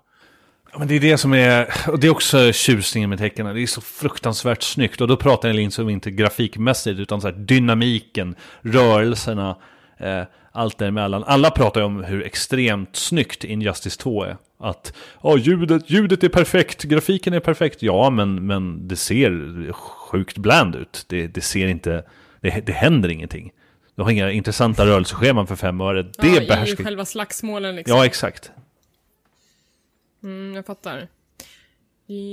Jag sneglar lite på Injustice 2, det som talar lite för det är väl så här, eller så här, det jag ser att, att folk hypar är typ ansiktsanimationerna. Man bara, ja men det är jättekul att ni har bra ansiktsanimationer, men det är inte ett sånt spel. Det är inte det som är det viktiga i det spelet. Riktigt. Men jag tror det en Justice vinner på väldigt mycket är väl att man är så bekant med de här Mm. karaktärerna. Att man kan ju bara titta på dem så vet du ju på direkten nästan vad det är för egenskaper de har och hur de kommer röra sig. Mm. Nästan. Medan det blir väldigt svårt med tecken och många andra fightingspel om man är ny då. då Mm. att det, det är väldigt svårt att titta på de här karaktärerna och säga liksom okej vad, vad kommer den här personen göra om jag trycker på de här knapparna. Ja, I alla fall för gemene man. Ja, För de insatta så, de insatta vet säkert exakt vad de håller på med. Men eh, där ligger kanske Injustice och Smash före. Mm. Just det, ren igenkänning. Men eh, det ska bli kul att se vad som, vad som händer på EVO, både hur liksom Street Fighter 5 och Tekken 7 står sig. I och för sig körde de nog Street Fighter 5 redan förra året. Eh, men nu har det ju fått lite tid på sig att, att eh, sätta sig liksom. Ja, det fick en jätteseg start i början. Och, eh, Ja, precis. eh, nej, men, så, att, så att nu kommer folk liksom ha utvecklat sin, sin spelstil och så vidare. Finns det något dåligt med Tekken 7 då, som du känner, förutom de här karaktärsporträtten då, då? Är det något du känner som inte riktigt... Ja, alltså inkörsport, alltså som sagt, online-läget just nu är väldigt jobbigt. Jag skulle väl också vilja eh, var lite neggo mot, mot eh, storyläget som jag tycker alltså, eh, alltså själva, själva narrativet, även fast de har vävt ihop eh, storyn för att introducera många till tecken så är, alltså upplägget är så konstigt. Det är scener som Eh, varje scen spelas med så här, akustisk gitarr för att vara lite så här, melankolisk. Och det är liksom helt malplacerat. Jag sitter och väntar, väntar. De har världens, världens fighting-scen här och den, den, den här musiken passar inte in. Eh, Försöker göra någon här John Woo-scen eller. Ja, nej, men det, och, och det är viss- vissa dialoger som är bara jättemärkligt. Det, det, det, det märks att så här, det har varit en... åh, vi, vi, vi, grabbar, vi måste skynda, vi måste bli klara med det här så fort som möjligt. Jag minns inte vad han heter, Harada. Eh, deras eh, lead design är ju eh, ett unikum. Eh, jag föreslår att man googlar honom, tecken lead, eh, lead producer, lead designer. Han är eh, väldigt speciell människa. Men, men i alla fall, storyläget har, har sina brister. Um, även fast det är kul med ett avslut, eh, ska inte spoila för mycket, för det är ett form av avslut i det här. Eh, så är liksom själva upplägget för det med eh, musik och scenbygge bara malplacé. Finns björnen med? Kumma. Björnen finns med. Den finns det. Det var det som fick mig att krossa min första spelkontroll. Det var en polares kontroll också. Vi hade en tävling och så skulle han spela björnen och jag spelade en helt vanlig person. Så fick jag sån jävla stryk alltså. Det var helt sjukt. Det, det var som förnedring. Slängde jag kontrollen ner på marken. Jag, jag hade ett läge en gång där eh, vi brukade alltid spela Tekken 5 he- varje helg. Satt vi och bara nötte hela tiden. Och jag hade någon sån där, jag har, jag har inte kastat sönder några handkontroller. Däremot så har jag haft en kompis som kastat sin handkontroll i mitt ansikte också. och vi pratade, vi Wow. pratade inte på två veckor efter det. Jag tror att jag marscherade direkt eh, ut därefter där och så pratade vi inte. Gråten i halsen. Ja, hade jag gjort. det. Livrädd hade jag blivit. ja telefonsamtalet efteråt var ganska kul. Ja, ehm, det där blev ju det där blev fel. Ja, det kan, det kan man säga. Han, trill, han, han trillade i trappan. Ja. Han bara, jag siktade egentligen på axeln. Eh, Jag skulle vilja eh, dröja kvar i fighting-spelsträsket och jag skulle vilja gå från tecken till nästan samma titel och det är Pocken. Eh, Det var nämligen så att precis innan vi spelade in, eller började spela in det här avsnittet så hade Nintendo en liten direct-konferens och det blev lite av ett antiklimax för att alla på sociala medier var bombsäkra på att de skulle utlysa uppföljaren till Pokémon Sun and Moon som då kan förmodas heta Pokémon Stars. Eh, eller Star. Varför trodde folk det? Eh, För att det är ju liksom en tradition i Pokémon-världen att det är så här, först kommer röd, blå, sen kommer gul och sen kommer guld, silver och sen kommer crystal. Eh, och så vidare. och Jo, så men varför trodde de skulle utannonseras idag? För att eh, de skrev att det skulle vara en stor Nintendo, eller Pokémon-nyhet idag. Aha, okej. Eh, att det, vi visste att det skulle handla om Pokémon på något sätt. Men när den, här presskonferensen väl drog igång så visade det sig att nu släpper vi till Switch. Man bara "Åh! Pocken Tournament DX! Och man bara nej. Det är ett skitspel eller? Nej, men det är det att det är ett gammalt spel igen som kommer till Switch. Och man bara, men vi vill ju ha nya fräscha spel. Vi vill ha kanske en port av Sun and Moon till Switch. Eller vi skulle vilja ha det här Pokémon Stars till 3DS i så fall. Eller Switch. Eh, alltså, vad som helst, men inte rehasha ett gammalt spel igen. Eh, men, men Pocken togs ju för sig ganska bra emot på, när det väl kom, vad var det, förra året? Ja, det var förra året. Eh, jo, jag eh, hann aldrig plocka upp det, men, men nu så har jag ju en anledning att göra det. Eh, på switchen istället. Så för po- Pocken-fans, det kommer till Switch, rejoice! eh, något annat de utlyste var att de skulle göra Pokémon Ultra Sun och Pokémon Ultra Moon. Det vill säga de släpper en ny iteration av Pokémon Sun and Moon till 3DS igen, bara typ året efter att de släppte originalspelen, vilket jag tycker är sjukt. Älskar namn med Det är Ultra. sjukt i huvudet. ja, men hur mycket nytt är det? Det, får, det återstår liksom att se. Jag fattar inte hur Nintendo överlever spelbranschen. Alltså. Det är sjukt. Ja, det är en bra fråga. Alltså, de gör Det- så sjuka grejer. Sjukt dåliga Ja, saker. det, det, Utveckla. ja, men, Ja, men de, de, de, Ja, ja, precis, men utveckla. alltså, de, hat, de hatar ju sin spelarbas. Det är det, liksom, vad, vad, vad mer finns att säga? Så här, ja, kolla Nintendo, jag har gjort en Mario-video. Ja, jag vill ha betalt för den. Eller, eller Nintendo, vi älskar din, din, din retrokonsol. Jaha, då ska vi inte sälja några fler. Och, det där, v- så här, och jag har så svårt att förstå det här att folk fortsätter att liksom, eh, hylla Nintendo till skyarna för de gör så mycket tokiga beslut överlag. Jag, jag vill se lite gammalt hederligt hat mot Nintendo. Liksom. Börja bestraff... Alltså förr i tiden då bojkottade man ju grejer. Vad är bojkotten av nästa Mario-spel liksom? Skärp er Nintendo. men, men om, jag får, om jag får leka lite djävulens advokat här, så den här, vad är det, minikonsolen. Det är väl, alltså vad jag tror i alla fall, är väl att de har satt utvecklingsteamet på SNES-konsolen. Att Ja, de det är att väl det, det, är en ganska populär... Eh, ja, oj, här fanns Men konsolen är ju klar, det är bara att fortsätta producera den. Det, Jo, men det kostar väl arbetskraft och allting sånt där. Det är ingenting som robotar. de har väl japanska robotar i fabriker eller någonting. Ja, nej vad vet jag. Jag, vet, jag tror säkert de sätter allting på eh, en SNES då, då och lägger all arbetskraft på den. För om NESen sålde så här bra, då kommer ju SNESen sälja dubbelt så mer tror jag säkert. Ja, eh, jag, jag, De eh, ser- jag delade ju ut kängor till Nintendo i början av året när vi pratade om vad som hade varit bäst och sämst under 2016. Eh, så att de har ju inte skött allting bra.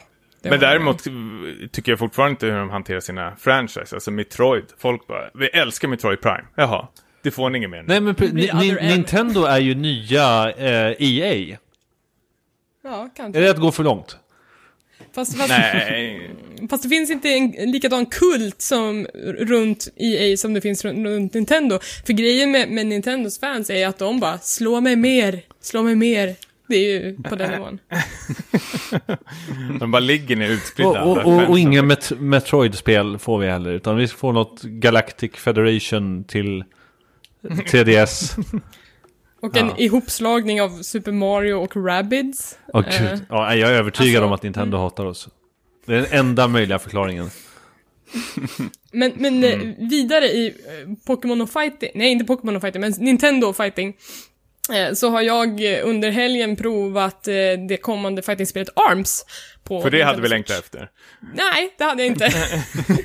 och, och efter Global Test Punch av ARMS så kanske jag fortfarande inte längtar jättemycket efter det. Men det var kul att prova i alla fall. De gjorde likadant som med Splatoon, att de hade två helger då, eller det kanske var fler helger. De hade i alla fall ett eh, begränsat antal dagar då de öppnar multiplayer-servrarna för att eh, liksom stresstesta dem så att vem som helst kunde hoppa in och, och köra lite grann. Eh, ARMS är ju alltså ett eh, fightingspel, men det är i 3D. Man eh, rör sig på en arena, två personer, och gimmicken med det här spelet är ju att karaktärerna har eh, ut, uttöjbara armar. De är ju liksom sådana såna här slinkis, som en fjäder som, som skjuter ut ifrån kroppen. Så att man kan eh, slåss på mycket större avstånd. Eh, och det var väl liksom planen när de skapade ARMS var att de tyckte att fightingspel hade eh, downtime när, när det fanns ett avstånd mellan spelarna. Att då, då att, man, att det kanske inte hände så mycket i matchen då, men, men i ARMS så är inte avståndet en, eh, ett problem på det sättet. Eh, så att det är väl i stort vad det går ut på och under testpunch-helgerna så fick man testa lite olika kartor. Ehm, det fanns då en rent traditionell, en mot en. Den som förlorar sin HP först förlorar. Ehm, det fanns två mot två, då spelar man i lag.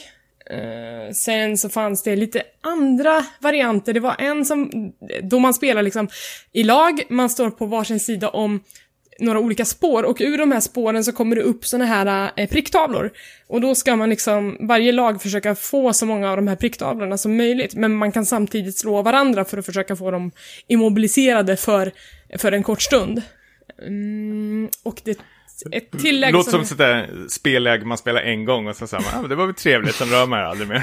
Men, men, men grejen var att man inte fick välja, utan när man köade upp i multiplayer så liksom blev man randomly ihopplockad i något av de här spellägena. Så man fick inte liksom Skönt. eh, välja. Ehm, sen vet jag inte hur det kommer se ut i det slutgiltiga spelet såklart. Ehm, men det sista läget jag provade var också en eh, då all, tre spelare slogs mot en jättestor boss som var då datorstyrd. Ehm, så det var det jag provade. Jag tyckte att ARMS var liksom, det är ganska skojigt, men jag känner mig inte som en person som har tid att lägga ner liksom hundratals timmar i ett fightingspel för att bli bra på det. För, för det är ju i, i sansen vad det här också är, i likhet med tecken. Jag tror inte att det kommer vara så mycket story som det är i tecken förvisso, utan det handlar mer om att kanske ja, ha, en, ha en kul multiplayer-upplevelse som räcker länge. Och det kan den mycket väl göra, men jag tror inte att jag kommer att satsa på att skaffa ARMS när det väl är ute. Mm. Typ Hur så. kändes ko- kontrollen? Hur provade du? Typ, Ja. För det här kan ju spelas utan att man står och viftar förhoppningsvis. Det, de vill ju att man ska stå och vifta. Det är det tutorialen gick ut på. Att eh, liksom, du eh, strafar liksom genom att tilta kontrollerna åt höger och vänster när du har, har de här joyconsen i varje hand. Eh, och, du, och du slår genom att slå ut med kontrollen ifrån kroppen. Eh, och sen så kan du också skruva dina punches. Eh, Men, men sen när jag gick in och kollade kontrollschemat så kan du ju köra med vanlig kontroll också och det föredrar jag nog absolut för jag tyckte inte att de eh, motionkontrollerna var så responsiva som jag som jag tyckte att det skulle vara. Jag tyckte inte att de svarade på det jag gjorde. Mm, Så för min del så kommer det inte bli någon sån här motion gimmick, men, men Nintendo har slagit sig själva på bröstet och sagt att det här kommer bli den första e-sporten som, som kommer spelas med motion-controller. Man bara, nej, det kommer de inte göra. De kommer liksom, de kommer modda en gamepad och sen kommer de sitta med en vanlig jävla arkadsticka som, som alla andra Men är gånger. inte det här lite ett tecken på också att Nintendo har äntligen börjat eh, upp, förstå potentialen med e-sport, men också typ kör en liten blizzard egentligen att ta etablerade, eller ta olika genrer och liksom göra det lite, lite gulligt. Jag tänker på Splatoon och nu så ser vi också att Nintendo tittar på fighting-genren och bara, nej men vi ska göra ett, ganska, ganska brett spel som ARMS. Eh, och dessutom i, vad är det, det är tre, tredjepersons perspektiv. Vilket i sig är väl ganska intressant. Ja, ett intressant grepp för ett fightingspel. Mm. Ja men faktiskt. Uh, sen kan jag tycka att det är lite, är lite samma problem i karaktärsdesignen här, eller som, som det alltid är i japanska spel överlag. Jag ska inte säga att det är symptomatiskt för just fighting, utan det fanns liksom två, tre kvinnliga karaktärer som har den här lolly-stilen. Eh, och sen så finns det faktiskt en karaktär som heter Twintel som har blivit en jättestor fanfavorit. Eh, kanske dels för att hon har liksom en, en schysst eh, rumpa att titta på om man föredrar det, men också att kanske jag som, som eh, tjej inte vill spela med de här lolly-tjejerna, utan jag vill spela någon som kanske ser mer ut som, som en vuxen och som jag gör. Eh, så, så jag körde nog mest med henne också. Så det, och då, då var Nintendo såhär, åh, vi är helt överraskade över att den här eh, lite mera byggda kvinnan slog så hårt bland fansen. Man bara, ja, men ni kanske ska bara prova att göra något annat, I don't fucking know. ja, men, Ja. eh, men det finns, eh, jag tror att det finns typ åtta karaktärer att välja på eller något i den stilen. Mm. Men, eh, Men det är ingenting du kommer köpa? ja, inte på dag ett kanske. Jag är ju mer hype på Splatoon. Det kommer ju bli min eh, Nintendo multiplayer i så fall. Späckats topp 3-lista. Ja, då är det äntligen dags för det här omtalade segmentet vi alltid har i vår podcast. Det är såklart vår lista vi ska representera. Eh, och eh, den här veckan, det här avsnittet, så har vi... Ja, vad har vi? Fighting-spel som vi skulle vilja se eh, i, i framtiden. Jag skulle då vilja se ett eh, fightingspel eh, som går lite hand i hand med det vi pratade om förra eh, veckan. Jag vill se ett fightingspel med liksom de mest kända science fiction-monstren där de gör upp sinsemellan. Alltså lite det här Alien vs Predator-tänket, men eh, varför Sen stanna fanns det där? inga fler. Nej, sen fanns det inga fler. Jag har suttit och tänkt, knak, tänkt så det knakat. Så det blir liksom så här barskrapet. Nej, men jag tänkte typ eh, The Thing-monstret har vi ju, som då kan eh, liksom Ja, ja, vad är det? kopiera andra förmågor. det är väl bra. Eh, vi, vi har vi E.T., han är väl inget monster kanske, men han är en sån varelse. Han skulle kunna... Han, han, Fing, fingra på dem till döds. Ja, lite så. Eller ringa, ringa moderskeppet Ringa som kommer och hämtar. Ringa hem, Ja, så, fly så flyr han därifrån. Eh, och så kanske typ Independence Day-monstret, Skeppet. skeppet, och det är väl lite coolt förvisso.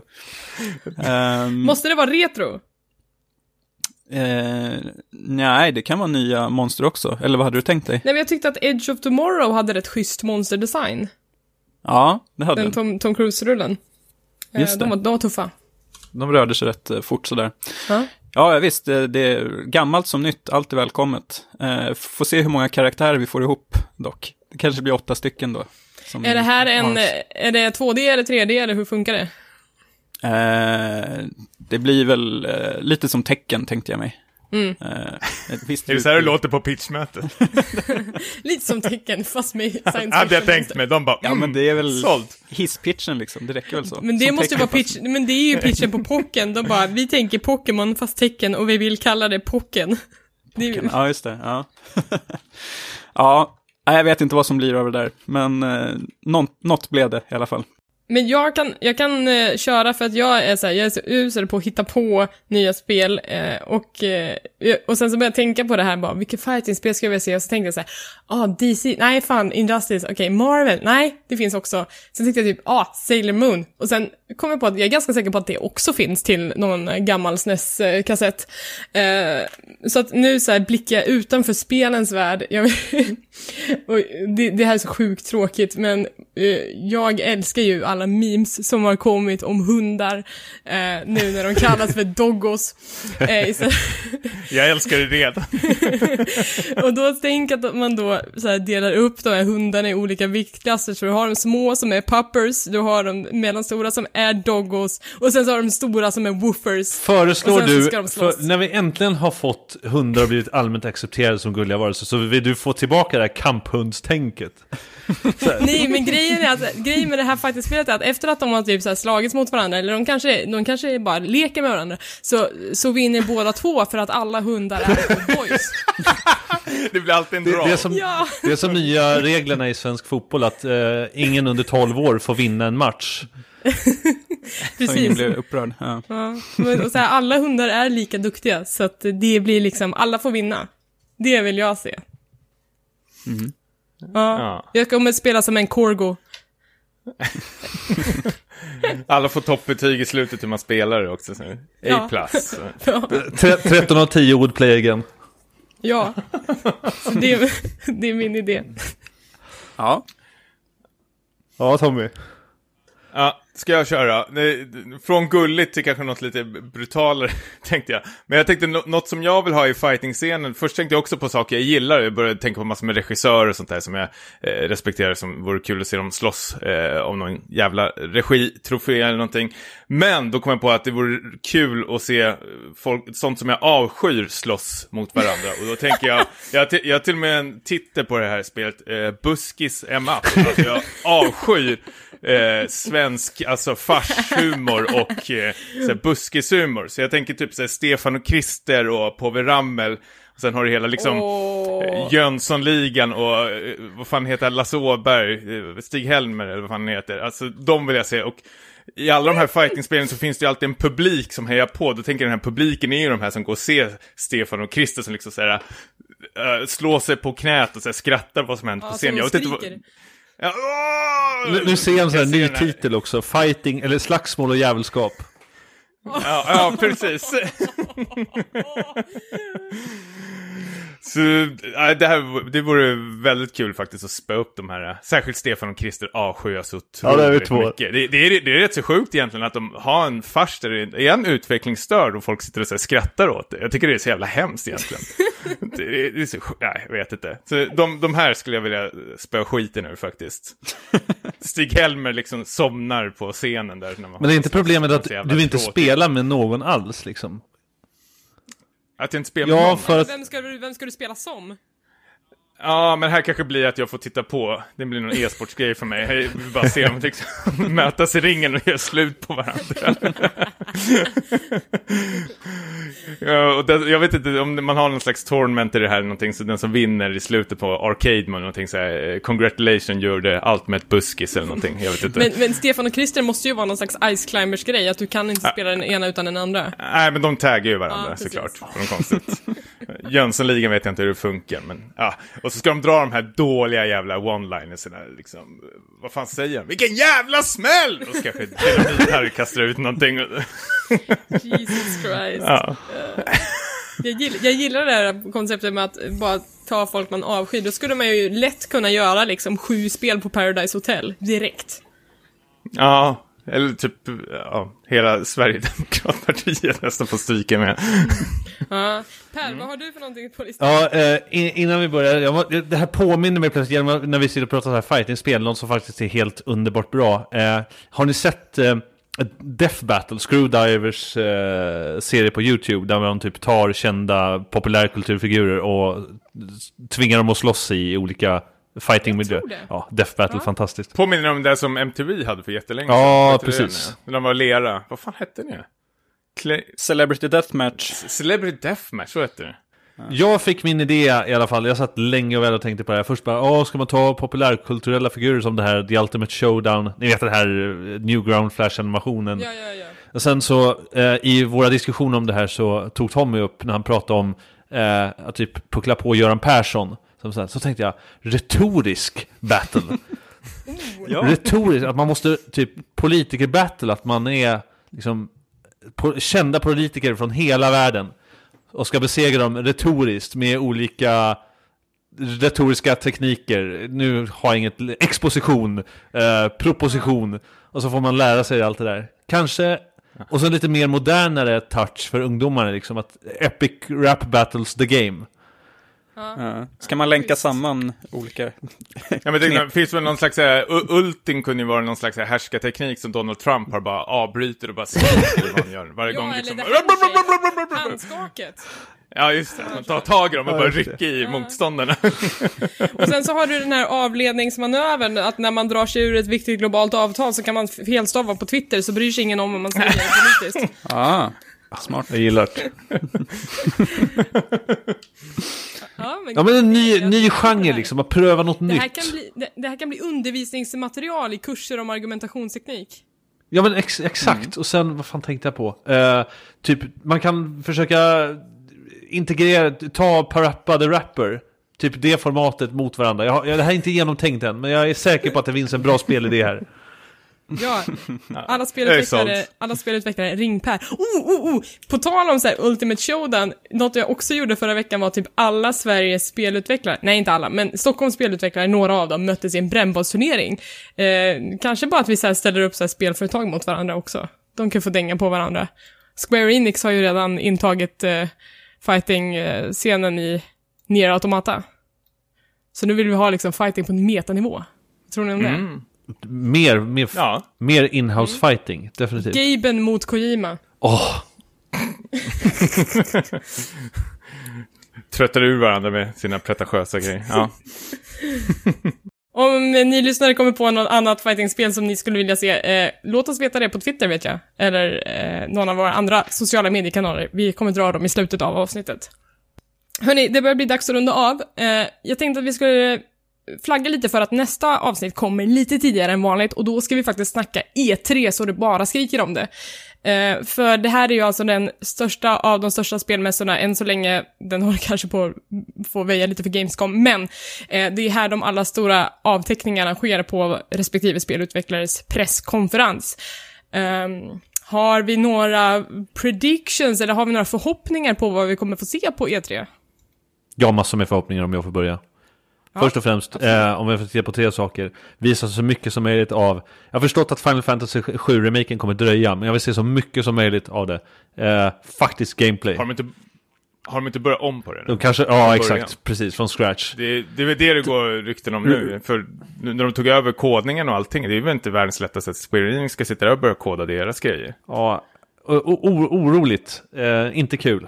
Eh, nytt Assassin's Creed. Eh, lite små pepp ändå, trots eh, senare tidens eh, klavertramp. Och självklart Far Cry 5 som har typ retat upp eh, halva amerikanska befolkningen. Det är I love it. Det är, Ja. det är stort. Ubisoft, hatten av. Det kommer vi Ja, garanterat få se mer av. Verkligen. Jag har inte brytt mig ett dugg om Far Cry förrän liksom, det här hände. Då älskar jag Far Cry helt. Yes. Eh, jag tror ju garanterat att Microsoft kommer ju prata mer om Scorpio, eller vi vet att de kommer prata mer om Scorpio, den här nya Xbox-konsolen som ska vara mycket, mycket kraftigare. Eh, men jag tycker också att det är dags för Microsoft att börja presentera lite spel, för nu har de inte så mycket som, som är eh, exklusivt eller liksom bara som de är upphovsmän till eh, sen till exempel Scalebound ställdes in. Så att eh, nu tycker jag att det är hög tid, för att om det inte finns några incitament till att köpa den här Scorpion, då blir det svårt. Mm. Niklas och Tommy, vad tror ni? Niklas står Half-Life 3. Ja, in i det sista. Står där. Jag har faktiskt läst alltså, på många håll att folk tror att nu är det dags. Det är ju varje vecka. Ja, okej. Ja.